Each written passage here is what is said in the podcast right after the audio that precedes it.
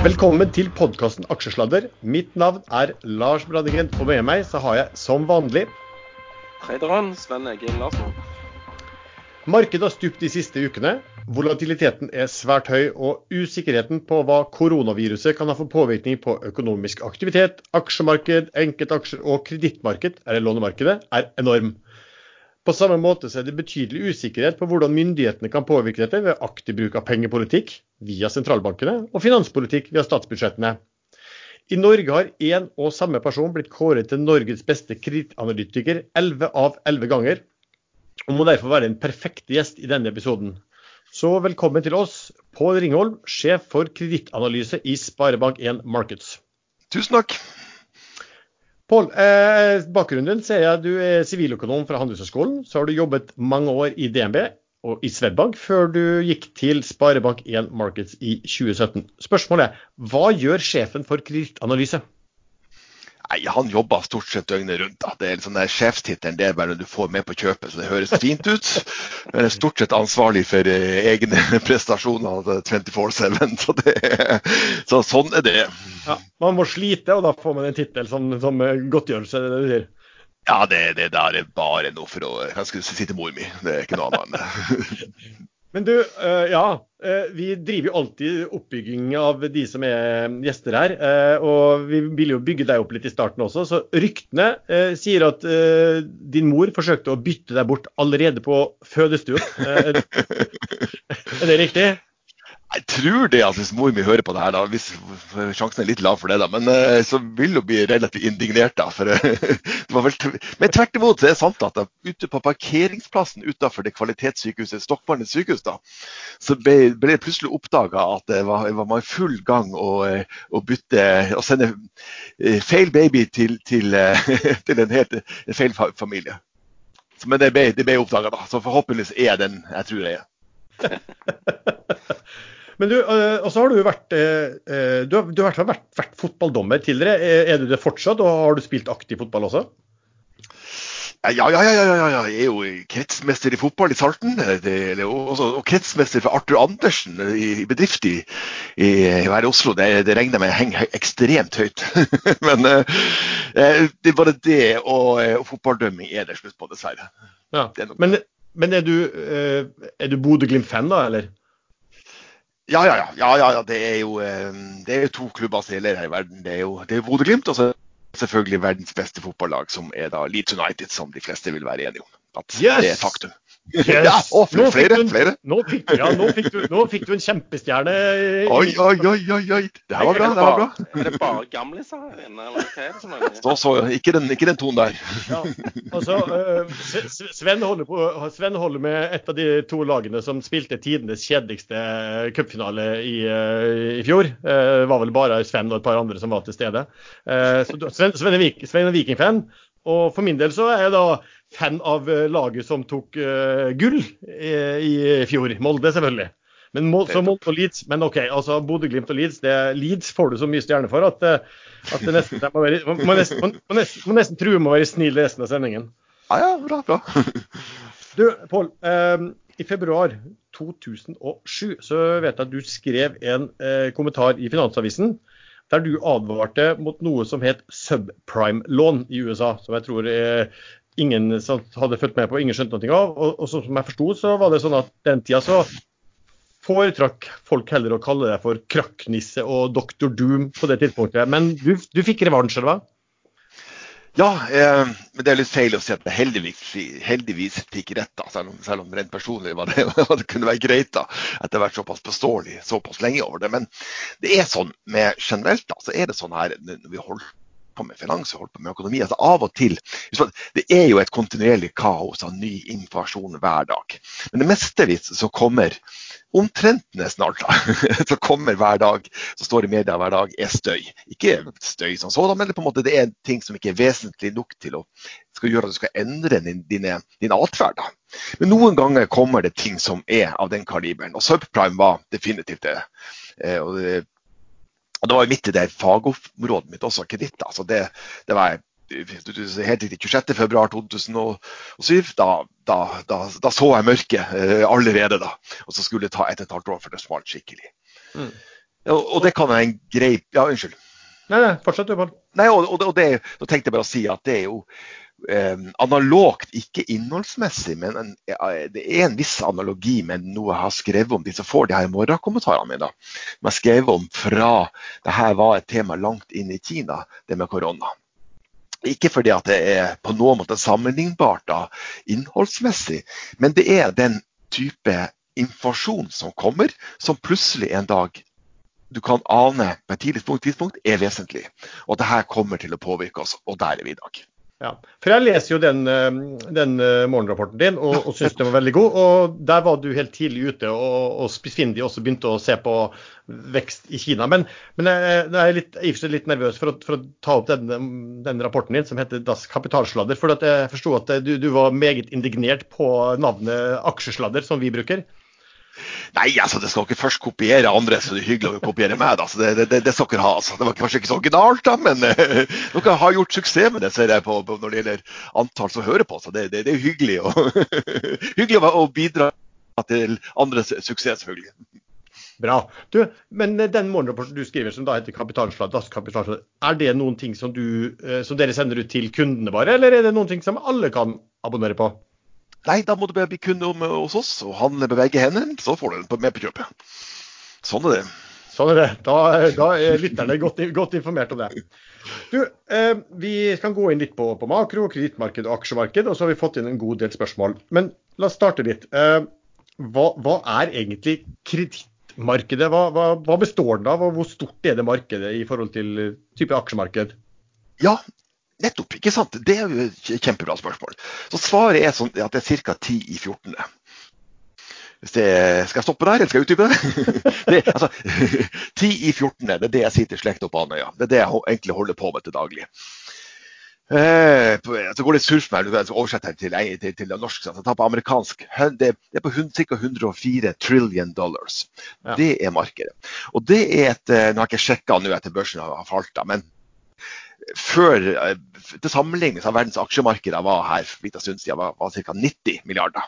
Eh, så det er sånn at det vi introverte eh, rente- og kredittfolk holder på med, da, stort sett i skyggen og stort sett unna, holder oss unna forsida av, av, av finans, Finansavisa til vanlig, da, så er dette verdens største kapitalmarked.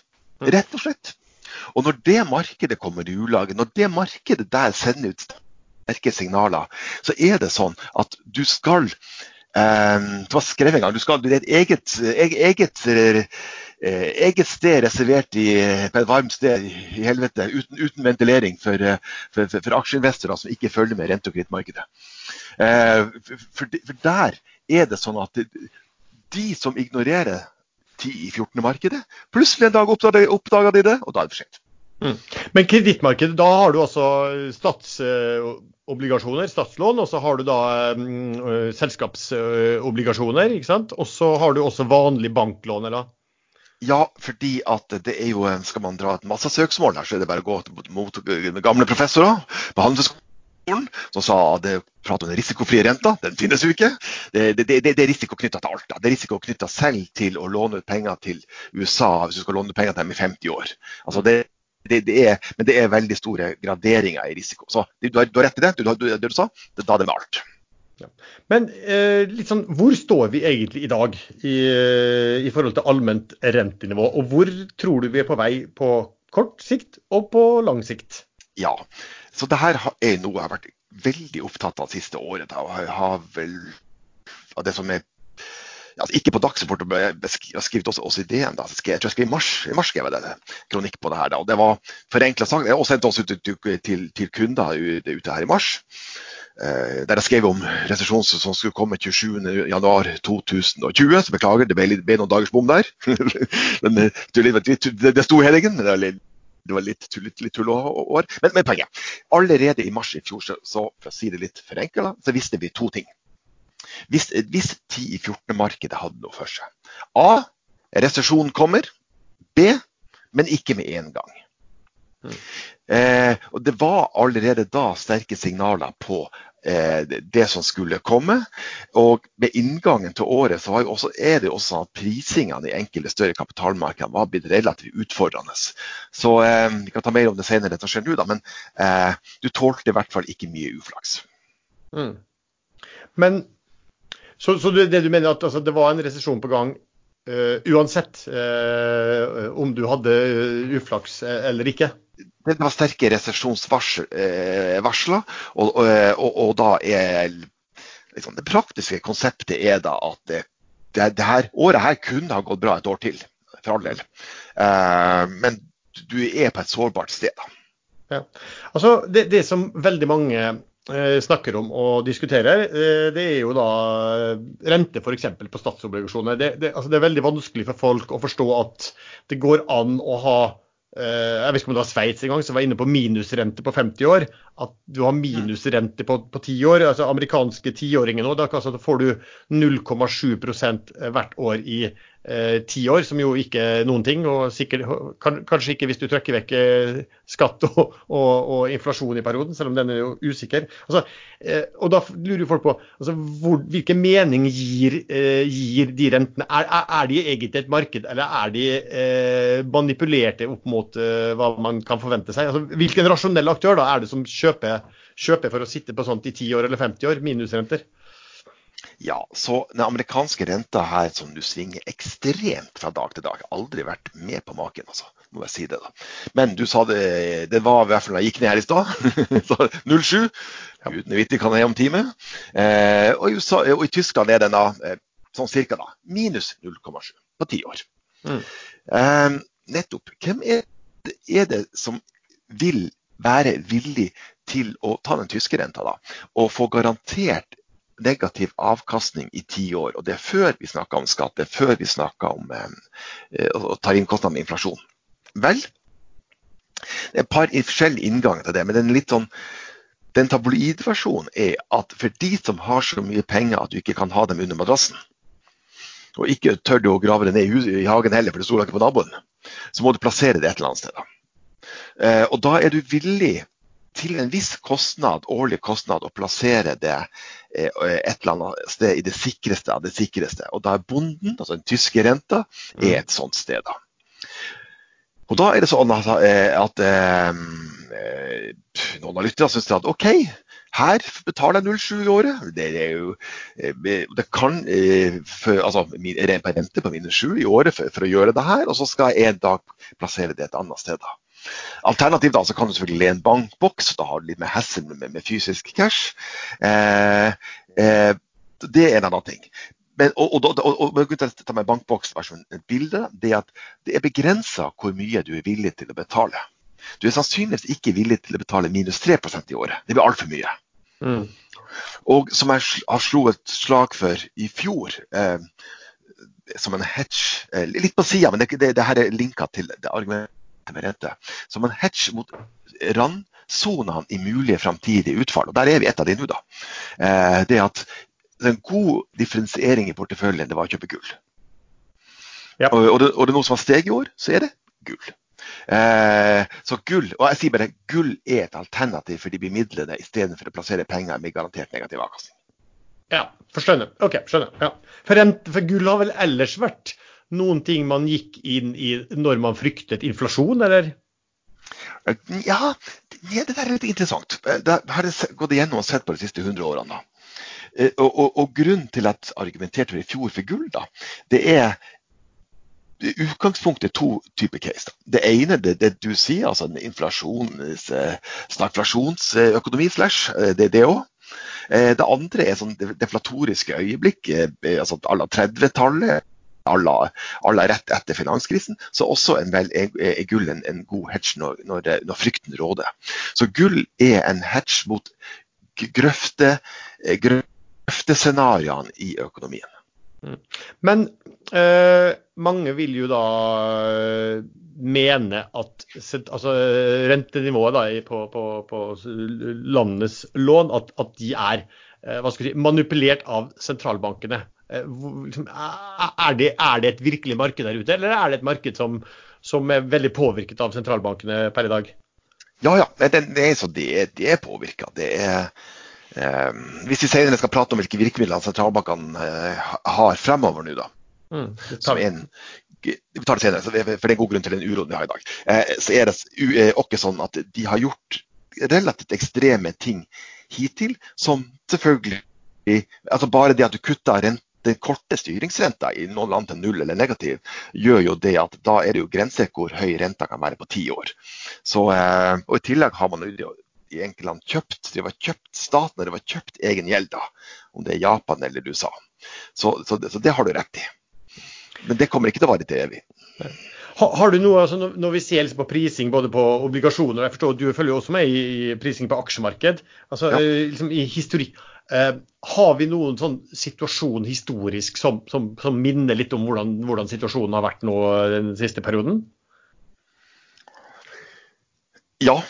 ehm, altså Absolutt, til de grader. Altså, vi, eh, ta, la meg ta aksjemarkedet. Eh, så jeg kan få lov å dra gjennom de siste 100 årene. Yeah. Så, er det greit? Da gjør vi det, da. Vi tar det kjapt. Um, å bruke amerikanske data, som er der vi har best data, det største kapitalmarkedet i verden, et aksjemarked som utgjorde ca. 45% av market capen til, til børsene i verden da dette året starta. Når tid er det, og så komme da til eh, relevansen i, i inngangen til året. Når tid er det aksjemarkedet har gjort det bra? Her kommer den dramatiske hemmeligheten. Er dere klar? Kjøp billig, selg dyrt. Det er da det er den grumsete hemmeligheten i, i, i finans. Og det var billig eh, og nå, og her, tar vi tiår for tiår. Det er heldigvis sånn at vannskillene er per tiår, og jammen ser det ikke ut som det treffer denne gangen òg. Da 20-tallet begynte da etter, en, eh, etter både en, en verdenskrig og en spanskesyke, spanske relevant for i dag, så var aksjemarkedene grisebillig.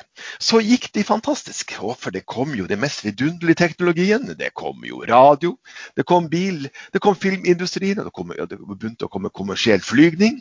Og aksjemarkedet gikk og gikk og gikk hånd i hånd med, med, med sanseløs kredittgiving. helt til det smalt da høsten 1929. Allikevel ble hele tiåret en fantastisk periode. Så hva kommer det da? 30-årene, depresjon, trist for aksjemarkedet. Så kommer en, kommer en andre verdenskrig og etterfølge av den. Så 40-tallet var heller ikke så bra. Så kommer 50-tallet. Og vet dere hva? Aksjer var billig da startet, da det starta. Det var vel sånn, jeg husker helt feil i hodet, så var utbyttegir på SMP 500 jeg tror det var sånn røftlig tre ganger eh, statsrenta. Og vips, tror du ikke at 50-tallet ble også veldig bra da? Eh, og så skal jeg ikke ta tiår for tiår. Vi hopper litt over 60-tallet. Der bygdes opp innbalanser som smalt ut i 70-tallet. 70-tallet var jo en grusom periode med stagflasjon for aksjer. Så kommer 80-tallet. Eh, som begynte egentlig med at Business Week august 1979 hadde en fantastisk forside der det sto vi tar på norsk aksjemarkedet er dødt. det dummeste du kunne gjøre, var å putte pengene i aksjer. Og hva skjedde på 80-tallet? Det ble helt fantastisk. Fordi at ting var billig. Hva skjedde på 90-tallet? Og, og, og, tenk- og det her var som jeg reiste rundt og sa i fjor. Eh, jeg tok analogien på det tiåret vi nettopp har lagt bak oss, og knytta det opp med 80-tallet. Så det er én ting du skulle håpe på 1.1 i år, 2020. Og det var det samme som 90-tallet, nemlig at du måtte ha en aksjeboble for at du skulle her gå videre. For det fikk du på 90-tallet, så 90-tallet var bra. Så kom da den store smellen eh, Så kom det et par resesjoner, og ikke minst den store finanskrisen. Alt var grusomt, forferdelig, og var det én ting mange hadde funnet ut sommeren, 19, det, så, er sommeren 2009, at du i hvert fall ikke skulle kjøpe aksjer igjen. Bom! Det var tabbe. Og de som kjøpte, tok, kjøpte aksjer, kjøpte norsk eiendom, er de som har blitt rik blant oss i det tiåret vi har vært igjennom. Og så har jeg endelig, etter å ha gått gjennom 100 år, kommet til i det her året her. Og det var der jeg har Det blir langt svar, men det her, jeg mener det her i kjernen. altså. Det her jeg har tulla litt med, det har vært det dypeste alvor når jeg holdt prestasjoner med den sjarmerende tittelen 'Si adjø til din pensjon'. Eh, det er en, en, klassisk portefølje som oljefondet, der jeg har brukt to tredjedeler aksjer, en tredjedel lange rentepapirer. Var, hvis jeg gikk tilbake 140 år, da 1.1.2020 starta, var på sitt dyreste punkt noensinne. Og det var hovedhistorien min før koronaen kom. Eh, at du skal ha flaks. Og du skal helst gjøre noe annet enn du har gjort tidligere, dersom du har tenkt å replikere avkastninga det her tiåret. Kontra de foregående, det, det foregående tiåret. Ikke sant. For at uh, nå var prisbok blitt høy, og, og PE blitt bok. Men uh, jeg vet, Sven han, uh, han er veldig glad i en, å snakke om en, en, en spesiell dame. Eh, Hva er det hun damen heter, Sven? Eh, oh ja, du er en Tina? Jeg mener Tina, som du snakker om. Tina, ja. ja. Tina har jo vært lenge. Eller egentlig ikke så lenge, men har fått skylden da for at ting ikke har snudd ned tidligere. Altså, det er ikke noe alternativ til eh, avkastningen i aksjemarkedet. Eh, men, men det bullmarkedet som starta i 2009, er ikke det det mest hata bullmarkedet ever? Er ikke det et bullmarked som de fleste føler de ikke har fått tatt del i? Eh, og der liksom passive investorer er de som har stukket av med, med godbitene? Ja, altså Det er jo en grunn til at hedgefond i tider i hvert fall, Jeg har ikke hele statistikken i, i, jeg har ikke det foran meg, jeg har ikke hele hodet, men til, til tider vet jeg at, at det har gjort det dårligere tiåret som har vært. da, egentlig I en lang periode. da. Eh, nei, det var hata. Det var, det var en 70-årskrise som kom, og den er vanskelig å riste av seg. Eh, og Du hadde, hadde alltid den frykten der skulle det være kreditanstalt igjen, altså det vi opplevde av eh, europeiske bankfall som vi hadde 31-32. ikke sant? Og så vet vi hva det medførte igjen, så la oss ikke tenke over det. Eh, politisk, altså. Eh, Eh, det fikk vi ikke, så på mange måter jeg, det, det har du rett i. Ja. Eh, eh, og, og, og Jeg hadde også det i bakhodet sagt at de investorene som jobber mot psykologien, og de som tok sjansen da på, på det tida vi har bak, det er jo de som virkelig har blitt rike. Derfor fikk vi kan, ikke, ikke bare av den grunn, da, men, men de har fått i hvert fall da, inntil nå. da. Det er jo den lengste finansielle oppturen i, i noensinne. For, for Amerika, så teller amerikanske resesjoner, og de er det elleve av etter andre verdenskrig. Og så er det en god del av de før. Eh, eh, så er jo det den lengste oppgangsperioden noensinne. Riktig. Men, eh, men, har- men, men eh, siden vi var inne, inne på Tina, da. eh, Er det fortsatt noe alternativ til aksjer eh, etter Ja. denne korreksjonen? Eller krakket? Eller eh, Nettopp. Eh, altså, så eh, det her skrev jeg litt om i fjor, da. i eh, i eh, Das Kapitalsladder, eh, om, om Tina og om FOMO og en, en annen ting. For du, Mens Tina at det ikke er alternativ, så har du hatt en, en, en, en samtidig en annen sykdom som har bredt seg. Eh, FOMO, fear of missing out. Altså frykten for å, for å, for å gå opp, eh, for å, gå, mis- eh, for å miste en oppgang. ikke sant? Ja, og, og Der ikke har- minst BTFD. Hvis du, har du hatt med den òg? Den har ikke jeg brukt, men jeg har brukt noe annet. Jeg, jeg, så det- jeg hadde slag for Ung, stolt og, og Jomo. Joy of missing out. Ja. Um, for, for her er tilbake til, til, til, til psykologien. Altså, det her argumentet om jeg, jeg, Hadde jeg hatt grafene mine, jeg elsker jo grafer, jeg kunne hatt en av de, bare slengt den fram nå, og så kunne jeg visst dividendegilden på SMP 500 nå, eksempelvis, eller andre børser som jo går oppover. Og så kunne jeg sammenligne den med toårsrenta i USA, eller hva det måtte være for noe. Og nå framstår det jo som at yielden, utbyttegilden, altså det, det du får fortløpende fra aksjer, er veldig mye bedre enn rente. Så det, er altså- hvis du måler på den måten der, så konkluderer du som spørsmålsstillinga det var. Men det betyr jo ikke at hovedstolen i anførsel, altså at aksjekursen kommer til å være flat fremover, den kan jo fortsatt falle. Og jeg tror at det kommer til å skje. For hvis vi skal prate mer om korona, så tror jeg det er, er eh, altså det er case closed. Det, det, det, det er bare én ting som kommer til å skje fremover her. Um, så jeg slår et slag for, for Ung, Stolt og Jomo. Joy of, Men- joy of missing out. Og, og det er klart det er alternativ. Før Norges Bank senker renta, så kan du få 2% nå på, på, på ligge bank med statsgaranti under 2 millioner. Korrekt. Sant nok. Ja. Men, men eh, eh, hva var det jeg tenkte på nå? Uh, jo, jeg tenkte på Nei, nå, jeg falt ut. Jeg, jeg ser på disse aksjekursene, så, så faller så, du? Så jeg, jeg, jeg, jeg faller litt ut sjøl. Men, men Tina, altså det, det, det vil jo være en slags uh, motkraft. Og det, det, er jo helt en, det er jo helt riktig at det har vært sånn hata uh, oppgang. Og så har det vært en oppgang Mm. veldig prega av at uh, ganske få selskap har tatt den store potten, på en måte. Særlig, særlig i USA. har det jo Ja. vært det. Ja, ja altså det bare tok for, for litt skøy. Jeg, jeg ser også andre etterpå som har hatt sammen. Jeg tok bare å lage sånn Jeg måtte regne på det sjøl her i fjor, da.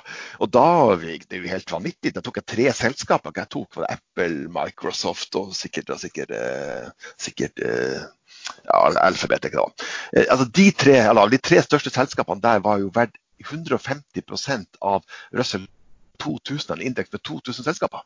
Og, og, i, og, og, ekstre, og den som hadde laget, sett grafen da foran dere, da, så er det en ekstrem eh, konsentrasjon på kapitalisering på de få. da. Så kan vi si at Noe av det makes sense fordi at det er blitt stordriftsfordeler en masse for aktører innenfor, innenfor IT. Altså du, du, du, har, du, kan sette opp en fantastisk hjemmeside, og plutselig har, har du penetrert 200 verdensmarkeder samtidig. For all del. Eh, men det gjør jo kanskje også at når det faller mer på, på, USA, så er det, en, så er jo, det, er vist, det, kommer til å være en viss tyngdekraft eh, hvis og dersom det skjer. da. Ja. Da kan vi kaste oss litt over hva som, hva som akkurat nå skjer eh, med, med, koronaen. Altså, det, det kommer jo da eh, for, for, for, de børsnoterte selskapene så får vi jo nå stadig flere rapporter om hva skal vi si, salgsvekt. Profit-warninga kommer allerede nå for kvartal to. Eh, fordi altså, ja, Flyselskap da, som, som folk ikke reiser, reiseliv, det de er problemer i hva skal si, den globale varekjeden med å få levert varene og få, få inntekter. Altså, hva, hva, hvilken konsekvenser kan vi nå se for oss altså for de børsnoterte, men også for sånn type likviditet og lånemishold? For En ting er jo korona, hva det påvirker, men hvis det her begynner også å gå på eh, hva skal si, kredittverdigheten løs, eh, så er vi vel i problemer. Ja, så rent finansielt, da, så eh, bare gå litt tilbake her, så, så fikk vi altså de første signalene fra rentemarkedet i, i mars. Altså eh, de første vesentlige signalene. Det er et, et, et, et, rop om hjelp fra, fra 10-14-markedet. Så har aksjemarkedet da eh, i kraftfulle drag begynt å ta det inn over seg i år. Og litt annen rekkefølge enn noen andre nedgangsperioder, så kommer også kredittmarkedet etter. da. Og det som skjer da i eh, Jeg skal ta kredittmarkedet først. da. Eh, eh, I kredittmarkedet der skjer det to ting samtidig. Det ene er at finansieringskostnaden går opp, også nå for de sikre. De kan hente, hente sin funding. Men påslagene for norske banker selv om det ennå ikke vises i offisielle prislister, har dobla seg da de, de, de, de, siste ukene. Bare som et sånn konkret bilde på hva som skjer da. Også Fundingkostnadene for solide bedrifter går opp. Det er håndterlig, det er ikke det, men, men det blir dyrere for dem å hente deres fremmedkapital. Det er det ene. Det andre i kritthistorien det er at markedet stenges for de som er, er, er, er råket hardest. Og Da kan vi jo tenke oss en par industrier som er vesentlige for Norge, og én spesielt, og det er oljebransjen. Eh, der er det eh, er det finans... Der er det kraftfulle resesjonsprising av den type kredittrisiko de siste dagene som har skjedd. Og Det minner jo litt om, altså, om uh, finanskrisen, når vi begynte å se at liksom, si, velrenommerte bedrifter begynte å få litt mer problemer. Det ble, det ble stadig dyrere. Og, men og Den gangen fikk jo de velrenommerte også store problemer med å rulle, rullere lån. Og, og der er vi Kanskje ikke ennå, men vi kanskje, er, vi, er, vi, kanskje på vei dit? Ja, jeg, altså, jeg tror ikke det her er en finanskrise. Selvfølgelig kan vi oppleve et eller annet. Selvfølgelig er det en dag vi, vi våkner opp og så er det en eller annen bank som har et litt overraskende stort tap. Altså, det, det, kommer vi til å oppleve. Men en, en, en finanskrise for banksektoren har jeg på ingen måte som en base case. Men husk på det at både i USA og Norge da, så har jo bankene gjort én ting da gjort mye, da, men en spesiell ting da, til finanskrisen det er å hente mer kapital. Og Det er en mye større bevissthet både blant bankledelse og på myndighetssida rundt det her. Da. Så Det er jeg ikke så bekymra for. Og Når jeg ikke er så bekymra for det, så betyr det også det at jeg antar at policymakers, at myndigheter, forstår det, og det gjør de jo, eh, eh, at de da hvis det blir en likviditetsskvis underveis for bankene, så kan de bare gi bankene en, en finansiering underveis for å avhjelpe det. Gullkortet del to. Mm. Så, Men nå, nå, så, nå, Ja, jeg bare fortsett. Ja, så, så, jeg mener at det er løsbart. Det er ikke det jeg er redd for. Jeg er mer redd for eh, eh, nummer én at folk skal dø. Eh, to, eh, eh, for allerede neste uke så kommer det norske helsevesenet bli satt under et presstest som det aldri har vært med på før. Eh, og nummer to at det da får effekter for, for, for, corporates, for, industri. da. For de som har mest gjeld denne gangen globalt, da, det er ikke lenger folk flest. Det er ikke bankene, men det er selskap, altså selskapsgjeld. Men kommer ikke hele samfunnet til å stoppe opp nå, sånn som du sier, eh, om eh, ca. en uke? Hvis du ser på utviklingen i antall dager eh, for Italia versus Spania, Frankrike, Tyskland ja, ja. Og, og Norge. Norge er vel på linje med Tyskland, eller kanskje et par dager bak, uh, så vidt jeg har lest. Det, og det vil jo bety at for å kunne stoppe dette her og, og, og lære av eh, Sør-Korea, så må vi faktisk skjøtte ned alt av skoler og, og fritidsordninger og slike ting. Og folk må holde seg inne. Ja, nei, utrolig bra at du har, du har skjønt det. Og jeg har skrevet om det her. Jeg blir, blir, blir, jo helt Jeg blir frustrert når jeg hører eh, norske smitteverneksperter skal si til folket at de skal i, i, ingen grunn. For de kan jo umulig ha lært noe som helst om eksponentielle tallrekker på i, i sitt studium. Sagt veldig forenkla, men det er den yngre, friske garde som blir syk. Men de blir ikke så syke. Det er et lumsk virus som, eh, som ligger der, latent i opptil ca. fem dager. Og så smitter det de, de eldre slash de med underliggende sykdommer, som igjen kan dø av det. her. Og igjen, det er de som dør av det. her da. Og skal du stoppe den spiralen, skal du stoppe den viruset sin- verdikjede, så må du stoppe de sosiale arenaene denne førstnevnte gruppa møtes. Det er så enkelt, og det er, virker bare så vanskelig å forstå og gjennomføre det her i Europa. Og ikke minst i USA, der man ikke engang har testa folk. Jeg så en undersøkelse i går, eh, var det i går jeg tror jeg leste at, eh, som, som tyda på at man var spesielt smittsomt veldig tidlig i forløpet, og, og, og til og med altså, veldig smittsom før du hadde fått uh, symptomene selv. Uh, mens det etter fem dager så svekka det seg veldig, veldig mye. Og det, og det ble jo forklart at det gjør det jo uh, mye verre Uh, å, å oppdage det og stoppe det også, hvis, hvis, hvis de som smitter mest, på en måte smitt, smitter før de, før de har blitt synlig syke. Og, og her er det jo også, du sa, altså, På de unge så er det jo veldig mange av dem som, som ikke får noen særlige reaksjoner da, av, av, av smitten. Nei, altså Hvis jeg var et virus, hadde jeg gjort det samme. Det, det, er, jo, det, er, jo, det er jo genialt. Eh, når du først er på en måte får symptomer, så, er det jo, så tar du jo isolere deg sjøl, men da har du allerede smitta folk. Mm. Så det, har vært veldig mye, det er veldig mye sånn research paper da, på, på altså forskningsartikler da, på, på, på hvor smittsomt det er. og der er, Rangen er veldig stor. da. Men at det her er smittsomt mye mer enn andre eh, eh, Mer enn vanlig influensa, det, det tyder jo nesten alt på. Men, men la oss si at Europa og USA stopper helt opp. USA ligger eh, en uke bak Europa igjen. Eh, altså Tyskland og, og Spania og Frankrike. Hvordan skal du spille det i eh, det være seg eh, kreditt- eller aksjemarkedet? Jeg har sjøl Ja. shorta banker. Eh, fordi at jeg vil tro at ting I tillegg til oljen, da, som jeg, jeg fikk som en dobbel whammy. Ja, nei, altså, eh, jeg ser generelt på det, altså, hvordan spiller det, så eh, putte pengene inn i trygge papirer. da, Shorte for de som ønsker å ta den, den type risiko. Eh, se trygge papirer da i, rente, i, i det 2000 milliarders rentemarkedet vi har i Norge. Det, det er boligkredittobligasjoner og, eh, og kommuner. Selv det kan få et lite verdifall, da, men liksom ingenting i forhold til det andre. da. Ja, men hvis du har sånn- lyst til å tjene penger i, i dette hvis hvis du har lyst til å tjene penger Nei, da, da eh, jeg tenker, La oss ta to vari... Ja, nei, nei, nettopp, du kan tjene penger på det, men det er så lite for deg. Skjønner det. Eh, med, med, med, ditt løpende forbruk, selvfølgelig, så må du tjene mer. Så Det er klart, det. det er klart det. Så da er shorting definitivt en, en mulighet. Eh, en annen, men det jeg tenker vel, det er jo litt tidshorisont, da. Eh, hvis du på kort sikt du kan shorte på eh, for, for de som har nervene under kontroll og har løpende cashflow også under kontroll, så er det klart, her, dukker det jo opp Da ta et eksempel jeg brukte i dag i dagens morgen, kommentar, som er eh, den reneste ratingklokka. Selskapet som alltid blir oppgradert etter når oppgangstiden har vart en stund, og som alltid blir nedgradert når nedgangstiden kommer. Vi skal, eh, tenke, vi skal til the cruise to the edge, som jeg har kalt det, eh, RCL. Mm. Eh, eh, altså For ordens skyld, hør her. jeg. Jeg, har ikke noe, jeg, og jeg kan heller ikke ha anbefalinger av enkeltselskaper, men jeg skal bare tenke høyt rundt det.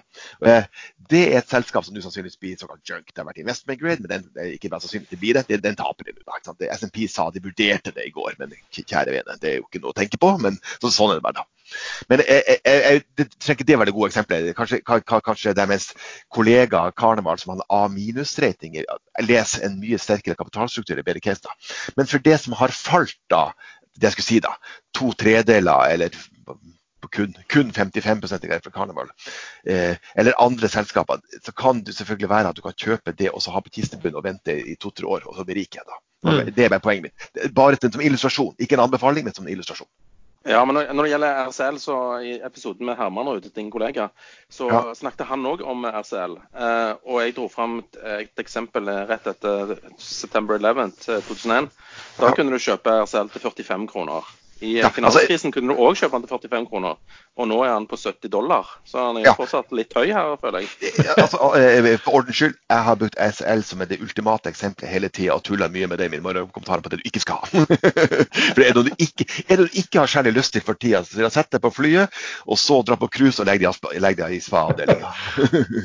så, eh, så, så, så for meg har det vært for, Poenget mitt da, for meg har det vært et case du skal bare holde deg unna. Men nå har du fart to tredeler. Så, det, så på et eller annet sted så er det et gulv i middag og ikke sant? Det er jo et spørsmål altså, på den type at hvis de klarer å, um, å holde seg i live, og så blir det et spørsmål om å sitte og gjøre egne vurderinger og hvor lenge vil dette her viruset vare, og, og, Ja. og, da, og da finne ut hva er fair. Hva er fair at dette selskapet, at markedsverdiene på, på dette selskapet skal prises ned med? Ikke sant? Ja. Eh, det, absolutt, og så kan du kommendere det med en analyse av kapitalstrukturen. og De som har en sterkere rating, så Karneval, som har en vesentlig sterkere rating da enn RSL, har en vesentlig høyere sjanse for å klare seg i en lengre periode. ikke sant? Så kan man gjøre den vurderinga i tillegg. Ja, ikke sant. Og at, og Mm. at selvfølgelig at i, disse, det er også disse perioder her også at de med sterk kapitalbase med, og flinke folk, det er jo ofte da de gjør de grepene som gjør at de blir enda bedre selskap. ikke sant, eh, Når de kommer ut av altså ut, Utnytte andres elendighet er jo eh, Å ha penger og kunne utnytte andres elendighet er jo alltid en god, en god strategi for å bygge selskap. Det, definitivt, og også som investor. Så de, de investorene som ikke, ikke får eh, the margin man på døra, som ikke har marginkrav, ikke har gira seg opp med inngangen til her, er selvfølgelig vesentlig bedre stilt for å kunne kjøpe en børs som sannsynligvis kommer til å falle mer. Jeg sitter bare og venter på at USA skal åpne, for jeg skal kjøpe en eh, ETF som heter eh, Pa- PASS, altså PASS, som er tre ganger eh, Consumer Discretionary short. For jeg vil jo tro at når USA kommer til å stå stille om to uker, så er det ingen som kjøper noe de ikke trenger. Nei, og så der vil jeg bare til- tilføye, det har dere sikkert hatt i redaksjonen her tidligere, at, men jeg kan bare også nevnte i morgenkommentaren i dag, at der har du sett sånn, der røyk de to første tre ganger gira ETF-ene. De røyk i går. Det var bare 10 millioner dollar. Men det, det, det var olje-ETF-er olje-ETF-er som Nei, det er olje... Jeg, jeg følte meg et veldig behov for å si akkurat det nå. Riktig. Men det, det som er litt kult, da, det er at motsatsen, tre ganger bull, eh, consumer discretionaries, eh, den kalles want, eller har ticker WANT. Ok, Fra ja, want og pass. Ja, pass. Ja, det, er jo, ja, det er farlig å være i en del det sånne absolutt ingen anbefaling. Hold dere unna gira produkter, eh, gutter og jenter. Det er, det er riktig. Det er vel en del som har blitt knocked out av eh, produkter nå de siste periodene. perioder, for å si sånn. Jeg vet også folk som har giret eh, eh, oljeaksjer, og som eh, forsvant rett ut eh, der for et par dager siden eh, fra åpninga. Så det er jo sånn. Eh, du, lite spørsmål som vi har fått her nå. Eh, Sven, det har du også vært eh, opptatt av. Det er da repomarkedet og de enorme summene som eh, Fed tilbyr til bankene. Kan, kan du kan kort forklare eh, lytterne hva er eh, det, det man definerer som repomarkedet? Ja, Spesielt Det der er- amerikanske. Nettopp. Eh, Og, og ikke bare at det er det, det er det amerikanske, for i Norge har vi ikke den type struktur. Mm. Så Der vi i Norge har en eh, pengemarkedsrente som er et derivat av utlandet, inntil, inntil vi skal endre praksis på den, da, som har i, gamle dager var det sånn ho- hoppdomming, vi kutta den høyeste og laveste innspillene fra bankene, da. Eh, så er pengemarkedsrenta i USA er basert på at man, man, man låner papirer hos hverandre, og så er den renta du betaler over, da, over natta for det, er liksom på en måte danne på repomarkedet. Eh, Det danner en rente, så det heter repomarkedet. Og den renta der er på en måte eh, en av basisene for, for, for 10-14-markedet i verden, altså rente, det store rentemarkedet i verden. Da. Det markedet kom i ulage plutselig en kveld i september i fjor. Ehm, det var all verdens tekniske forklaringer på det. Det var to spesielt. Da. Det var at det var en stor skattetermin, samtidig som, som staten eh, som kjøper med stort underskudd, fortsatte å emittere med, med begge hender. Da. Altså, altså støvsuga, litt sånn dårlig klisjé, da, men eller markedet for likviditet. Da. Og plutselig en kveld så går den reporenta nesten opp i ti. Og intradag, jeg satt jo her på kvelden og vi satt jo alene på kontoret, selvfølgelig, og der ser vi renta fyke opp. da var bare så stygt å se en annen vei.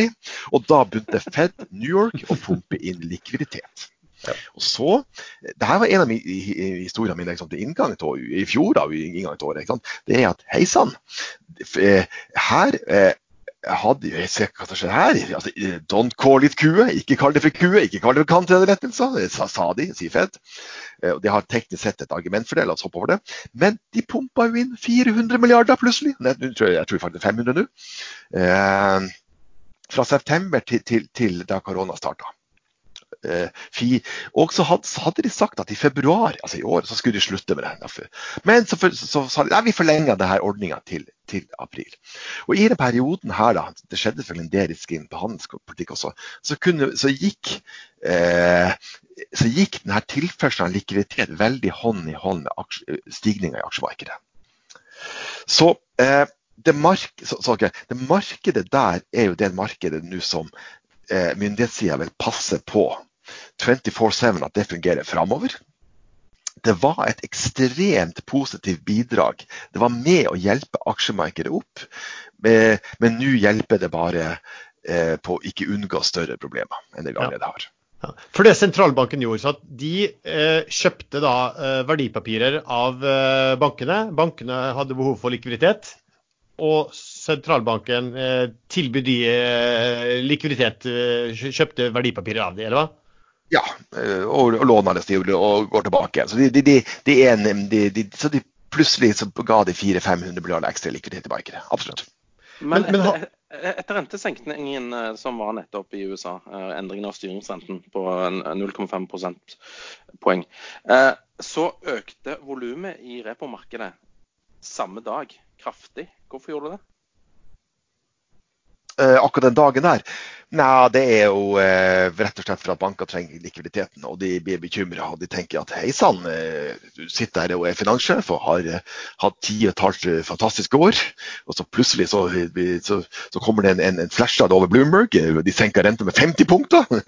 og din første tanke er jo da what? Vet Fed noe ikke jeg vet? Okay, sånn. eh, selvfølgelig, det er mer komplekst enn sånn. Men, men, men, men, det bidro til usikkerhet med å senke renten? egentlig? Ja, det dette... tror jeg. Og jeg, jeg, er ikke noe tilhenger av det der. Altså, det der du, du um, i det begrensa arsenalet, at det, noe arsenal har det, men i tross alt i et begrensa arsenal av virkemidler, altså, av, av vanlige virkemidler sentralbankene nå har, så, så, er jeg ikke sikker på at å, å, å, å bruke opp kruttet med en gang er det lureste. Ja. Her, kommer det, her, kommer det, et spørsmål som, ja, som du var litt inne på før. Det var spørsmålet var hva har land via finanspolitikk og sentralbanken via pengepolitikk, hva har de igjen i verktøykassen, ettersom de på mange måter har brukt den verktøykassen ganske ivrig, for å si det mildt, allerede? Og vil de virkemidlene kunne uh, virke? Nettopp. Så det her hadde en, sånn, en fin liten sak i på i fjor. hånd i hånd med gladbudskapet si adjø til din pensjon. Når jeg sier adjø til din pensjon, så det, jeg overdriver jo selvfølgelig litt, men ikke helt. fordi at i, i Nederland har de allerede kutta den. Den kan prate om senere. En annen gang, kanskje. Nu vel. Eh, nei, altså, så saken var det. Eh, hei, der står vi altså langt ute i en oppgangssyklus, og det er kjempebra, det. Men neste gang det skjer et eller annet hva, har, hva, er det sentralbanken kan gjøre? Og så kan vi dele det opp i tre. Kan ikke vi gjøre det, for det er ting mye enklere å huske etterpå. da. Nummer én. La meg presentere. Det som fungerer umiddelbart hver gang, ja, med mindre det er tilbudssjokk i økonomien, som vi har nå, nemlig å kutte renta. Og da, hvis du så, hvis du så på eh, eh, hvor mye rente det var igjen i verden i fjor høst, eh, i august, en seanse på det her, så var det ikke så mange land som hadde rente igjen selvfølgelig USA, Kina, Norge med et par til. Og ellers var stort sett det meste brukt opp. Så det var jo synd. Mm. Så det var, det var, ikke mye igjen. Da går vi til alternativ to. QE, eller kvantitative lettelser, som vi kaller det i Norge. Altså at sentralbanken går inn og kjøper assets. Eh, eh, og det de har gjort i vår del av verden, ikke Norge, da, men i sånn Europa da, og USA, er, har typisk vært at man har kjøpt da, sikre, sikre obligasjoner og altså tilført likviditet i markedet av den grunn. Eh, der er hovedpoenget at det meste av det, liksom det her virkemiddelapparatet er stort sett brukt opp. opp. Men det eksempelet jeg brukte i fjor, da, og det kan vi jo tenke på om det kan komme i vår del av verden, da, er at i Japan, som har vært plaga med, eller vært karakterisert av lave renter lenge, da, så har man gjort noe annet i tillegg. Man har brukt via ETF-er, som nå har nevnt, og har, eh, så har den japanske staten kjøpt ja, aksjer. Så det kan jo være noe som kommer denne gangen. da. Eh, men det er ikke så mye å hente igjen i den kategorien heller. Så da går vi over til den siste gruppa, kategori tre. Og hører dere nå lyden av helikopteret over lokalene? Er er det- er Ben Bernanke som helikopterpilot? Den store metaforkongen. Du og Bernanke. Eh, ja, ikke sant. Og der er jo helikopterpenger, som det, er litt, så det brukes og kalles. Men det er et, et stort sett av forskjellige virkemidler. Og overraskende nok så har mye En del av det har vært brukt tidligere på 30-tallet, bl.a. Men det er det mynt, mynter eller sedler de slipper da, som regel? Eh, nei, altså, jeg vil anbefale sedler for, for, for, for, nettopp for, liksom, å å dempe sekundæreffektene på, på, på folk flest, så anbefaler vi sedler. Um, jeg, hadde en sånn her sak i fjor, da, i desember, da, eh, for jeg var, så, jeg var så irritert over at alt av økonomer var så konsensusorientert. Og det var jo at 2020 kom til å bli et grått og kjedelig år. Ja da. Så jeg, jeg laga en sånn liste over 13,5 overraskelser som, kunne komme til å skje. Og dessverre en god, en god del av de er liksom sjekk allerede på. Men en av de da var at helikopterpenger kommer i år. da. Eh, Der jeg tok feil, da, det var det, så skrev jeg at det, det kommer det tok, ok, Jeg forstod rett på at det kommer først i Asia, men på slutten av året altså det et bilde på det, da skulle det komme først i Japan. da. Tok litt feil der. Det kom først i Hongkong. det har allerede kommet i en vill versjon i Hongkong. da. Ja, for, i- for i hvilken versjon, hva, altså, hva, hva gjør de da formelt? Altså, helikopterpenger var jo, når jeg nevnte Ben Bernenke var jo han forrige, forrige som var sentralbanksjefen under finanskrisen, som begynte å snakke om dette her. Nettopp. Og, og, og en av grunnene til at han prata om det, at han hadde studert 30-tallet. Og, var- og hva var det man gjorde i USA i 1936? Mine herrer, hva tenker dere på nå? Ja, det er dårlig, det er en Ja, forferdelig quiz. Det er umulig. Det er umulig. Men, men Det var litt synd vi ikke hadde han en av paneldeltakerne her. for at Ja, vi, bruker, jo- bruker fleipe om at han, at han var født på 1800-tallet, bruker vi å si til han. Så vi, nettopp! nettopp. Det, det, undertegnet er ikke det, til tross for jeg holder med Leeds United. Det var Men, i eh, Berlin i 36, husker jeg. Ja, ja, ja, ja. Bronse i fotball. Nei, det, det, det er jo eh, fin, fin, en fin eh, samtidsreferanse. Men drar vi på den andre sida av den blå brua og andre sida av Atlanterhavet Så det man gjorde i USA i 36, det var det at sentralstaten fant ut følgende Hei, vi må stimulere økonomien. Så de trykte opp penger. De, de trykte opp en marketable security, som de kalte det på pent, og sendte det til alle krigsveteraner i USA. Fortsatt var det en del av de. Og rundt 85% av de, jeg tror 86% av de, dro da rett til banken, de som kunne gå av de i hvert fall, til banken, tok den her marketable securities utstedt og, og leverte inn i banken og fikk ut 500 dollar. Og, og så gikk det tilbake til økonomien, til butikken. Jeg vet ikke om de kjøpte sprit eller hva de kjøpte for noe. Eh, men det var dårlig, dårlig klisjé. Men de, de, de stimulerte økonomien, og så, det hjalp til å holde økonomien oppe. Og så forsvarte ikke aksjemarkedet for de 37 av forskjellige grunner. Eh, så, så ja, det her er prøvd tidligere. Så, uh, så jeg tror jo det, og det var jo historien min fra i fjor, og du tror jeg jo veld, veldig på det, at det, at det her kommer til å skje. Altså Det er masse forskjellige avarter. Staten kan begynne å bygge et eller annet, men de kan kjøpe land og bygge et eller annet. Og så tror jeg fort at det kan komme et eller annet med opptrykking av penger, men man kaller det noe annet. Man kaller det for det grønne initiativet, eller hva det måtte være for noe. Eh, man pakker det inn på en måte som politisk er veldig vanskelig å være uenig om. Og så, tror man inflasjonsfaren er liten, og så, og så gjør man noe sånt. Så eh, det her er noe å følge med på om det her kan, kan komme i, også i vår del av verden. Men det vil jo ikke gjøre landet det, Nå er ikke så mye snakk om det, var jo veldig mye for, for ganske få år siden hvor forgjeldet mange land var i forhold til BNP. Eh, og landet har jo kjørt med store underskudd. og Skal det begynne med den type også, så vil jo den ratioen med, med belåning i forhold til BNP begynne å se ganske stygg ut. Men det er kanskje ingen som bryr seg om det når det, renta er null.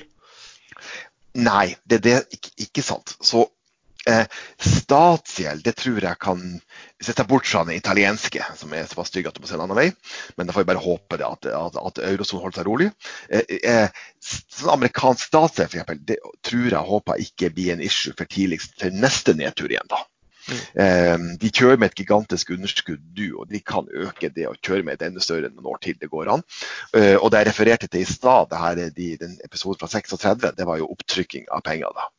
Så i en mindre måned kan du tro at man kan se for seg at det kan eh, ja, Det er mulig å gjennomføre, og samtidig vil si OK, greit, la oss bare gjøre det. La oss se en annen vei, så prøver vi. Hvor mye frykter du da, det var også et spørsmål her da, sikkert ut fra hvilke virkemidler som finnes, hvor mye frykter du for inflasjon i USA, EU, Japan, Norge i løpet av neste tolv måneder eller long term? Ja, ja, kan ikke jeg få ta long term, da? For det, det ja. er, og tiår her. Så igjen, det, nå har Vi pratet, nå har vi, tatt oss, vi hadde en rask gjennomgang av tiår fra 1920-tallet i stad. Ja. Og nå er vi begynt på et nytt tiår. da. Uh, det er ikke problemer for voksne folk opp i, helt sikker på i, i, i, hos dere da, til, til å si, fortelle dere at renta skal være lav for evig tid.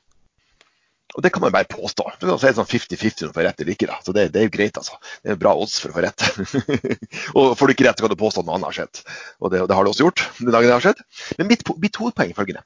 Mitt hovedpoeng på lange renter i dag, den trygge havna, eh, er at jeg tror, ut, altså, er, jeg tror utfallsrommet det her tiåret er mye større enn det mange prater om. Så ja, klart at renta om et tiår, når vi skal starte 2030 Det er klart at renta fortsatt kan være lav. Det er godt mulig.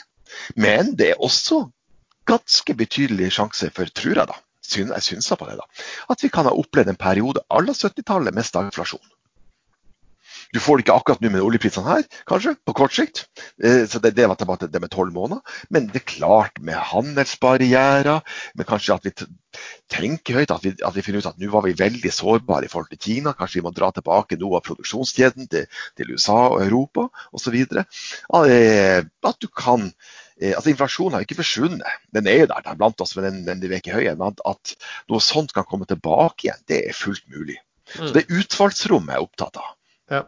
For det var, det var, også et spørsmål altså, altså, om du anser deglobalisering og alle mulige QE-tiltak som inflasjonsdrivende. Og så var det også et spørsmål om eh, hva tror du hovedårsaken er til fravær av, av den type inflasjon som USA og Vest-Europa opplevde på 1970-tallet? Eh, og i, og, i, og i, slutten av 80-tallet også var det vel også ganske, ganske Ja, og på og begynnelsen av 80-tallet så hadde de jo to resesjoner på radio sa en dobbel dipp der de fant ut at de, skulle høre nå tar vi bare nå tar vi rotta på, på, på, inflasjon. Og det klarte de jo. Men det, man hadde jo en, en statsrente på 15 da. Eh, og, og, jeg tenker på inngang med 70-tallet, det er jo litt interessant da, for på, på slutten av 60-tallet så hadde vi jo samme som i dag. Det samme som vi hadde i slutten av, av det forrige tiåret. Eh, vi hadde en annen sjarmør som var president da, det var Nixon. Eh, og, og, og eh, han, eh, skal du gå tilbake for å finne like lav ledighet under, under, under, under Donald Trump, så må du tilbake til Nixon på slutten av 60-tallet. Eh, og så fikk du et eksogent sjokk, og så skjer det mye annet selvfølgelig, da, men så begynner det å dra seg til da, med stagflasjon etter hvert. Så, det, så, så inngangen er jo ikke helt ulik om du kan si noe om hvilke tiltak det norske finansdepartementet kan komme med hvis det eskalerer? Du har jo vært litt inne på det sånn generelt sett for land, men hvis du sier spesifikt for, for eh, det norske finansdepartementet, hva de, hva de kan gjøre? Ja, altså, um jeg tror jo generelt at det du må gjøre, må være av vesentlig karakter. da. For jeg, som mitt, Vi prata så vidt om i stad. Jeg, jeg, holder det som base case da, at økonomien nå i flere vestlige land vil bli stengt ned en periode. Og ingen av oss har opplevd det her tidligere på denne måten. da. Vi hadde finanskrisen, da, eh, eh men eh, som tok bankene. og Det sagt, det, det, det, har ikke noe case på denne gangen. Men ø, store, viktige bransjer vil bli stengt ned, og de fleste av oss vil jobbe fra hjemmekontor om ikke fra i morgen, altså ganske snart. Ok, og da altså Det er et sånt tiltak her i går med utsettelse av formuesskatt. Det er sånn det, liksom ikke, det høres kanskje fint ut, da, men det, det hjelper jo en, en, håndfull personer. Ellers er det ikke, det er ikke relevant. Altså. altså. Det også er greit. da, men du, så, eh, så, du må, Jeg har ikke tenkt på virkemiddelbruken, men du må på en måte bridge, altså lage en bru over den perioden vi har. da. Så om det er å eh, garantere for folks lønn i en måneds tid, eller hva det er for noe, jeg vet ikke. Men et eller annet i den retning. Så kraftfullt må det være. altså. Kort, kortsiktig borgerlønn, liksom, på en måte? Ja, og vi, altså, hør, vi har råd å gjøre det. Ja. Eh, jeg, jeg, jeg, jeg, har ikke regna på det. Jeg har ikke på det. Og jeg vet ikke hvor mange det er snakk om. Det er ikke alle oss, da. Men de som blir permittert, om man bare rett og slett sier at hør her, eh, vi kan ta kostnaden med det, og ikke bedriften. En, en, annen, en eller annen modell, da, hva det måtte være. Ja. Altså, det, jeg, tipper det må være noe i den retninga der, altså. Ja. Men også ikke jobbe, da. Jeg skal ikke få noen ting med, da. Eh, stakkars eh, aksjetradere på, på, på, nett, liksom. Nei, jo... Nei men eh, aksjetraderne blir jo, blir, blir jo rike. De, de, kommer jo snart til å kjøpe ting til, til, til, til vrakpant. Eh, så det er jo ikke synd på dem. Jo, men de som har tapt alt, da. Det, altså, de får ja, det er vel konseptet at det er voksne folk som har tatt risiko, så den er litt vanskelig å reversere i, i bakhånd. Eh, jeg får ta det opp med Fagforbundet. Ja. du får gjøre det. Nå har jeg sett på, på altså, anslagene til IMF ja. kommer med anslag, og OECD kommer med anslag på økonomisk vekst i verden i eh, 2020. Og de har liksom ja, redusert det, men ikke veldig mye. Eh, fra de gjorde egentlig før koronakrisen kom. Når jeg hører på deg, så tenker jeg du kan neppe tro særlig mye på de tallene som de fortsatt kaste rundt deg med? Hva, hva, hva, tror du, hva, tror du, egentlig? Altså, hvor tror du vi går? Tror du vi går i en, en resesjon som er dyp og langvarig, eller litt og svært kortvarig, eller hva, tenker du? Negativ økonomisk vekst. Nettopp. Prolog, det var tilbake til det jeg sa. Når jeg hadde mine 13,5 case på, på overraskelser for året, så var det etter bakgrunn at hvis jeg så på prognoser for året, så var det altså det så lå de fleste da, sånn pluss-minus rundt 3 vekst. 3% 3,1, 3,2 hvis du var gæren. ikke sant? Hva det måtte være for noe. Det var konsensus var, var lammende. Eh, så er det nummer én. Det er der vi kommer fra. Sant, rundt der. Eh, og, og, så skal jeg bare henge det, jeg skal ett tall til som vi har bare pratet ut fra. Eh, man kan diskutere det her, da, men Eh, IMF selv bruker å si at hvis globale vekst er under 2,5 da, så har du en, en, en avart av global resesjon i verden. Da. Bare for å henge et tall på noe. ikke sant? Mm. Så har du som du sa, IMF og OECD som eksempler justert ned sine vekstanslag. Men du kan legge til grunn at de er neppe ledende, de er leggende. De kommer etter. Ja. For, neste punkt igjen, eh, det, jeg tror jo, det her sagt, sagt sier at det her er ikke noe vanlig korrosjon. Det, det, det, er et annet dyr, det her. Og, nå vet vi det. ikke sant? Nå er, er det jo over 20 allerede, så det er noe greit. Sjekk. Um, og det her får selvfølgelig følgeeffekter for økonomien når det her skjer synkront i store økonomier i verden samtidig. Det tar servicenæring, det tar industrikjeder, det tar snart sentimentet fra konsumenten, og det tar det. Så hva får vi? Det vet vi jo ikke. Men hvis du og, og, og, For å vite hva vi får, så må vi vite hvordan myndighetssida nå kommer til å reagere denne måneden. her. Så hvis alle sammen nå på myndighetssida sier at hei, vi har plutselig forstått konseptet med eksponentiell økning, altså antall smittede, antall døde. Og vi syns det er ugreit at de sykeste av oss dør her i livet. Vi må hjelpe dem, det, vi må ha solidaritet i det samfunnet her. Hvis man, de gjør kraftfulle tiltak som er gjort i Sør-Korea, og lykkes med det, eh, så kommer det til å bli en kraftig nedtur. Men vi kan håpe på en V. Vi kan håpe på at det kommer relativt raskt opp igjen da. Hvis de ikke gjør det, så, er, så for all del altså Verden kommer tilbake igjen. Det er jo ikke, det er jo ikke akopalypse heller. Det, der. det, er jo, det, er jo, det er jo ikke, ikke sant? på ingen måte. Eh, men da kan man jo tenke seg at nedturen her kan vare litt lengre, fordi vi skal kombinere da eventuelt, eventuelt kan få et, få et case med manglende handlingsstyrke gjennomføring da, eh, hos vestlige myndigheter, kombinert med den virkemidlene vi har det da pratet om, som det er ikke så mange igjen hos sentralbanken. Og, men det, det, som også eh, Jeg snakket med en i går som, som eh, befinner seg i USA, og de hadde sett på det og var litt opptatt av det. Det var jo dette her med også med at de hadde sett vel på hva var det, 1918, hvor det var et eh, virus også som påvirket kraftig, og som kom da i tre bølger. Um, ja. Først kom det én bølge, og så kom det bølge ja. nummer to senere som var sterkere. og Så kom det en bølge nummer tre til slutt. og Så var de litt sånn usikre på om hva dette her eh, ville det være. Eller, eller i vår tid, altså 100 år senere, så er vi jo Vi reiser mye mer, så kanskje ikke man kan ha ulike faser. Men det var jo en av de tingene de de så på. Og så var de også i forhold til Kina eh, undrende på om dette kom til å blusse opp igjen i Kina når de kom, arbeiderne kom tilbake på jobb og, og, og fabrikkene kom i gang, for å si det sånn. Ja. Eh, nei, altså du tar vi vi, vi, vi, har altså spanskesyken i 1918, der du har en dødelighet på 2-2,5 på de som er syke. Som, bare for å si det med en gang, da, den hadde en annen distribusjon av døden. Da var det veldig mange mellom 20 og 40 år som strøyk med. Da. Det er det jo ikke til for denne gangen. Så bare de har det i mente. da. Mm. Jeg, kan, jeg, kan, prate litt om dødelighet på korona etterpå. hvis vi har tid. Da. Du har den. Så har du 1957. Du har Asiasyken. Nå får jeg ta det litt i hodet, men den var vel sånn fem ganger verre enn den verste influensa. et eller annet sånt. Og så har du 1968, da, som er en mildere versjon. Skal du trekke noe finansiell Eh, så, okay, så det er det vi har. Så må vi også huske, for jeg skal trekke en konklusjon av det, at du har litt forskjellige innganger til de respektive årene. I 1918 var jo ikke et gladår akkurat. Altså, du måtte ut av en verdenskrig, da, men, men, men, men altså, poenget aksjemarkedene var jo ikke dyr nå. Altså, Ref den historien jeg tok i stad om 1920. Denne gangen var aksjemarkedene dyr. Eh, så, og, og hva er empirien da på 1918, 1957, 1968? Jo, det er en V-recovery.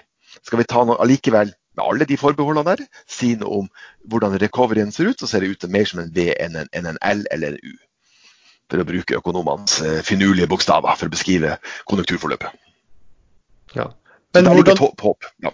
Ja, men du, du, tror at vi kommer til å se en, en V-recovery eh, etter koronavirus? Eh, Nei, ja, det var det jeg sa. Det avhenger av hvordan myndighetssida nå vil mm. eh, agere. Men jeg tror jo samtidig, det jeg også skrevet da, for en stund siden, at det, hvis du ser på tall, hvis du ser på reelle tall, hvis du ser hva som ligger bak tallene, hvis du, hvis du slutter å høre på norske medisinere som sier at de ikke skal bry seg, eh, og, og, og se på internasjonale gode eksperter på det her, og lese på tall, igjen, se på tall, høre hva de sier på utfallsrom, så er det ikke sånn at det er smitta ca. 10 000 i Italia. Det er sikkert, sikkert smitta 100 000 eller et eller sånt. Ikke sikkert, men det, det er smitta et eller annet sånt. Det er jo veldig rart at så mange nordmenn skal bli smitta for en stund tilbake i Italia, hvis det på det tidspunktet var bare noen få italienere som smitta. Det er jo helt ja. utrolig. Ja, ja, så det, det, sånn er det bare. Det er ikke sånn at det bare er få antall som har smitta i USA da denne måneden begynte. Det har veldig mye med at de hadde bare testa røftlig 500 personer. Det har veldig mye med det å gjøre. Så på min Twitter-konto i stad, akkurat da det møtet her, så la jeg ut et, et bilde eh, av hvordan man har testa hvor mange man har testa i Sør-Korea, hvor mange har man testa i USA. Ta oss, eh, klikk inn nå og se på den. sendinga sendes senere, jeg skjønner. Men, men altså, det er man har ikke angrepet problemet i USA. Eh, sånn at, og antall smitta i, eh, i, i, i, Madrid, der det rapporteres om en relativt begrenset antall smitta, er jo vesentlig større enn det reelle antall. Kanskje er det 10 000 der allerede. Eh, sånn at om vi får en V tilbake til det igjen. ikke sant? Jeg er bare veldig usikker. Jeg sa at V var under forutsetning at handlekraften nå materialiserte seg nå, her og nå. Hvis jeg ikke gjør det, så, så kan det her vare lengre.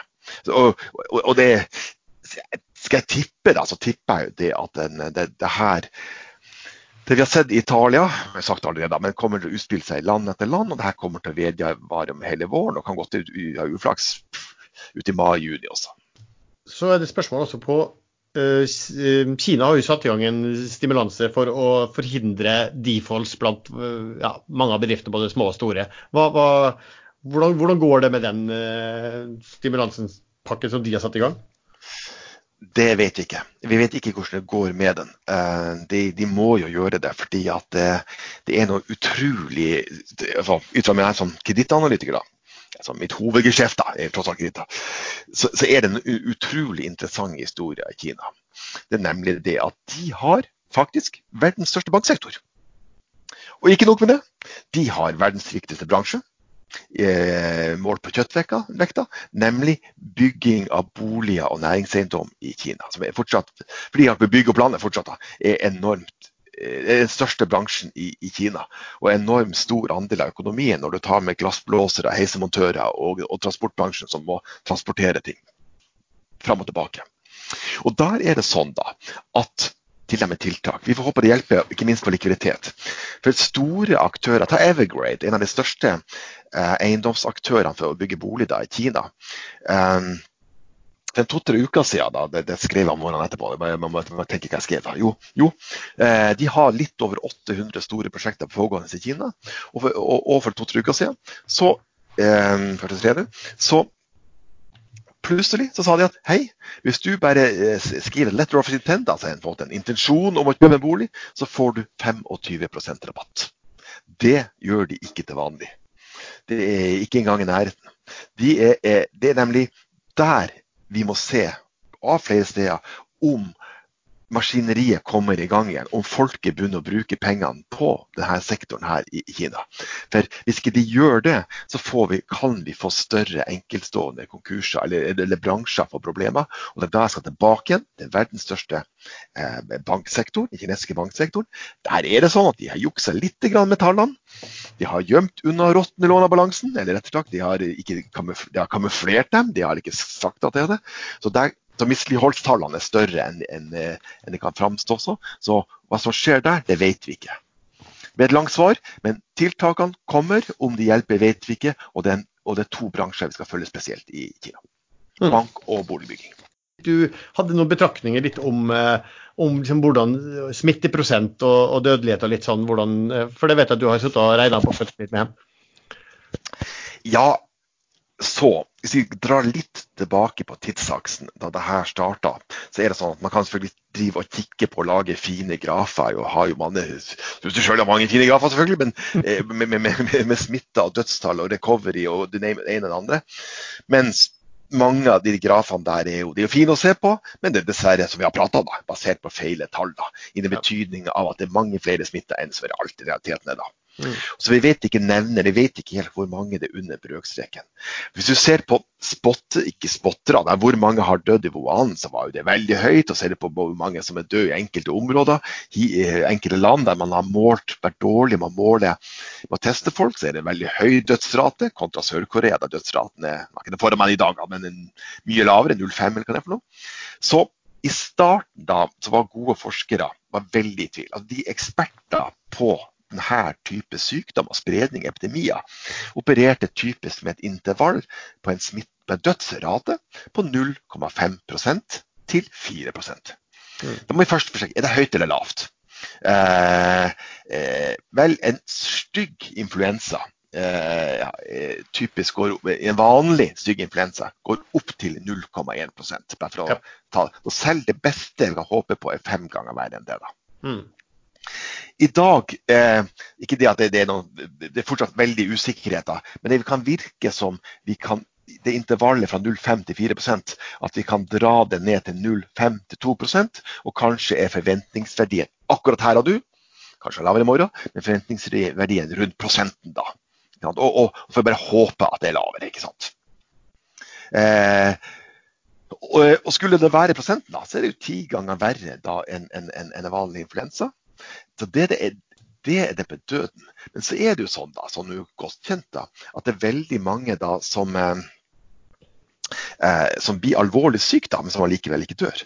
Og der er jo saken at det har vi ikke kapasitet til. Selv i Lombard-distriktet, et av de best utvikla helsesystemene i hele verden nå, er de etter noen få dager fullstendig i knestående. Eh, jeg så, jeg så du, du, skrev også ting om mangel på, på pustemaskiner i Norge sånn generelt sett, eller? Ja, ja, USA, USA har en hundretalls til overs. Altså det, det, det, du, du vil ikke se tallene. Eh, det, nei, det, det, er helt ille. Det, altså, det, det, det, en pustemaskin av denne arten koster jo det samme som en bil. Eh, eh så, så, så, du får jo ikke bygd det. Du får, du, får, du, får, du får, ikke opp ny, du, du, kan kanskje få flytte litt mellom land her og gjøre litt sånne ting. Du får ikke det. Og Derfor er det og det er det som har vært så forskrekkende bedrøvelig å se på hvordan norske myndigheter har utøvd sitt, sitt, virke. At Hvis du forstår det her, at hvis du, hvis du kobler den informasjonen vi diskuterte i stad, hvem er det som smitter hvem? De unge smitter de eldre. De eldre kan dø. Eh, eldre og syke. Eh, du har den informasjonen der du vet at hvis du ikke gjør noe, så får du en voldsom økning i antall smittede. Du vet at du har kapasitetsproblemer på sykehusene. Da er det bare én ting du kan styre etter, det er å begrense sosiale og begrense antall smitta. Det er mm. kun sosial kontroll som kan begrense det nå. Det er et spørsmål er som følger. Hva tror Pål om aksjemarkedet de neste tre, seks, tolv måneder? Altså de, de, snakker vel om tolv måneder, og så er det da de lurer på uh, Men når skal man kjøpe? Ja, så uh, uh, jeg, jeg kunne, det er to typer, eh, to typer sett av analytikere jeg kunne, kan operere under. Jeg kan jo vært en sånn type analytiker som har hjemme uavgjort borte. Altså, det, altså, det er mange som opererer med. Har, liksom, jeg kan gi deg masse scenarioer samtidig, og så kan jeg si etterpå hva var det jeg sa. Garantert ja, et, et, av de funker alltid, ja. ja. Et, av de, et av de vil jeg fortelle publikum i ettertid. Men det er kanskje mest, jeg, jeg, liker bedre, jeg liker bedre å formidle det jeg tror er mest på. da. Ja. Og det jeg tror mest på, det er at denne nedturen her ikke er over. Jeg tror mest på at det her er den type eh, ikke lille K, med stor korreksjon med lille K, det er store K. Det er noe som altså, Krekklignende altså, jeg, jeg, jeg, forstår meg rett, altså, noe, som, noe som går vesentlig ned. da. Mm. Eh, og tror jeg på det, så skal jo Oslo Børs typisk ned da mot det, eh, mot det for, for bokførte verdier. da. Og eh, eh, så tror jeg kanskje ikke det skal helt ned denne gangen. her, altså, Jeg tror ikke på en finanskrise. da. Men da er det jo Jeg tror bokførte verdier i dag på Oslo Børs er 460-470, altså tilsvarende indeks. Det er bok én, da. Ja. Et eller annet sånt. da. Så da vil jeg sagt at det så da tror mest på et scenario der Oslo Børs havner et sted på 500-tallet. Mm. Liksom, eh, og, og, og, skulle jeg ta skikkelig feil på det, at virkelig med en V-recovery, så er det fordi at myndighetssida overrasker oss kraftfullt veldig snart. Og det har ikke spredd seg så mye som vi kunne frykte. Ja. Men hvilke, hvilke, tegn bør man sette på? Altså på hva er det som du tror eh, kommer til å få ting til å vende? Hva, hva, er det vi skal se etter når man skal se etter signal på at nå tror jeg man tidspunktet er, er, er for å gå inn? Altså Man treffer jo aldri, man treffer jo aldri helt på men, men, men, men, hvilke signaler egentlig man bør, bør, man følge med på som, som, som, kan, som kan, hjelpe her? Det der er igjen også siden um, kommentaren er på et lukk, altså bare til våre kunder. Men jeg la ut noe på, på, på Twitter forleden her um, om der det er håp det som gir oss håp. Og, og den grafen der som jeg la, eh, som jeg la ut om, eh, om Sør-Korea, da. Eh, sikkert mange andre som gjorde det samme, ikke det. men, men eh, det, det, er den typisk skal se på, der du får kontroll. Mm. Og, typisk, og, det, og, så kan det fort være sånn at aksjemarkedet er på sitt billigste når ting ser som mørkest ut.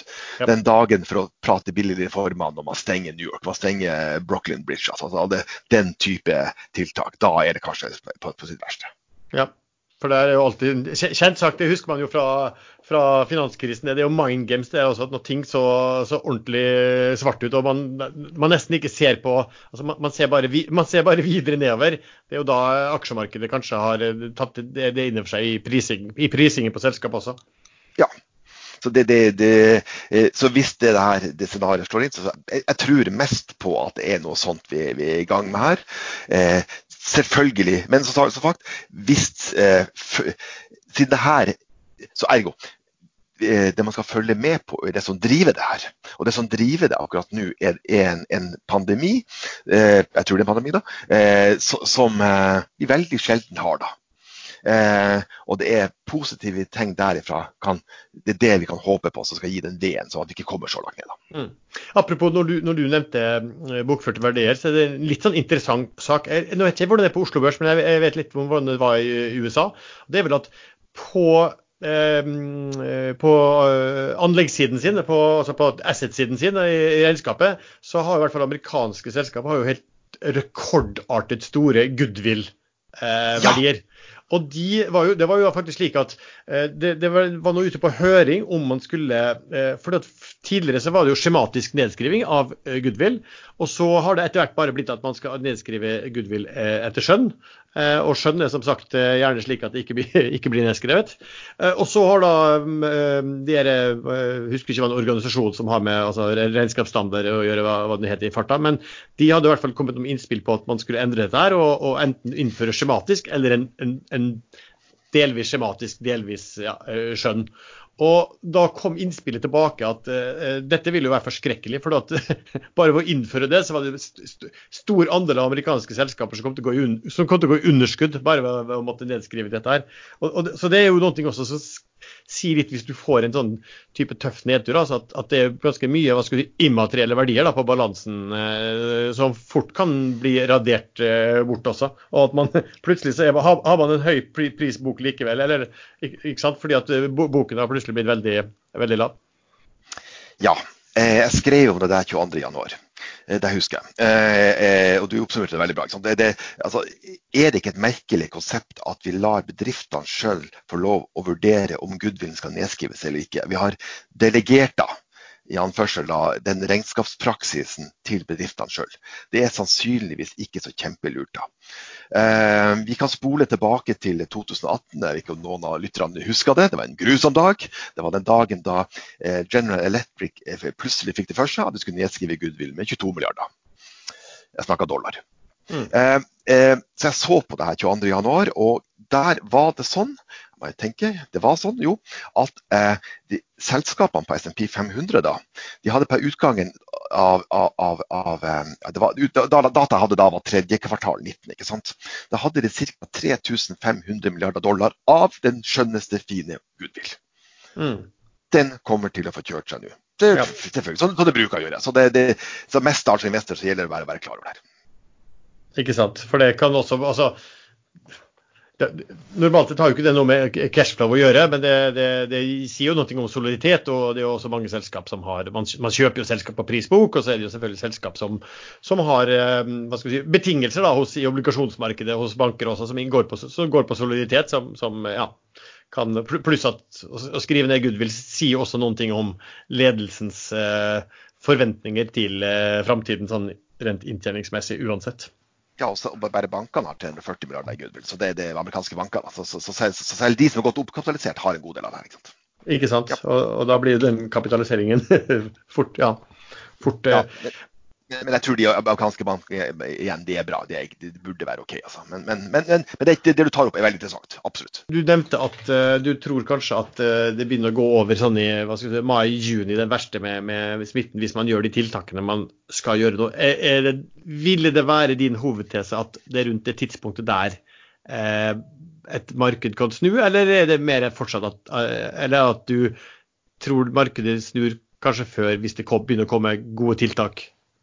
Jeg, jeg, tror jo ofte veldig bra markedene. Det er bare at av og til så har det en tendens til å ignorere det opplagte informasjonen som det hadde i forkant av det her. Men, og det jeg skulle si at Markedet tenderer til å se ting på for, forkant. Det er klart Når vi ser da at den andre deriverte, eller altså vi ser at stigningsraden på smitta og du begynner å stole på tallene, begynner å synke, så kan det være at markedet reagerer altså La oss si at det var sånn at det, det pågikk fram til eh, sommeren. da Eh, første bølge. første bølge. Andre kan komme som spanskesyken. Det kan godt hende at markedene eh, ser, ser, det her i april-mai. Eller i april, for den. Hvem vet, ikke sant. Det kommer bare an på hvor billig det har blitt. Ja, for det var jo litt sånn, var, vi, vi, har hatt mye i podkasten her om det. Vi var faktisk eh, særdeles tidlig ute. For en av de andre, da vi skulle ta opp Black Swans helt i starten av eh, året, ja. så var det en av guttene som hadde lest om et virus i eh, Kina. Eh, så, så, da så, så liksom har, Vi har jo snakket mye om eh, om koronaviruset og, eh, og Kina. Og, det, og, og, Da snakket vi også om å følge med på altså, utviklingen i veksttakten av den andre deriverte. Det, men her ble man jo kanskje litt lurt, fordi at det begynte jo å se bra ut i Kina eh, plutselig. Eh, og så gikk det litt grann tid, og så plutselig smalt det med drypp eh, ja, overalt, egentlig.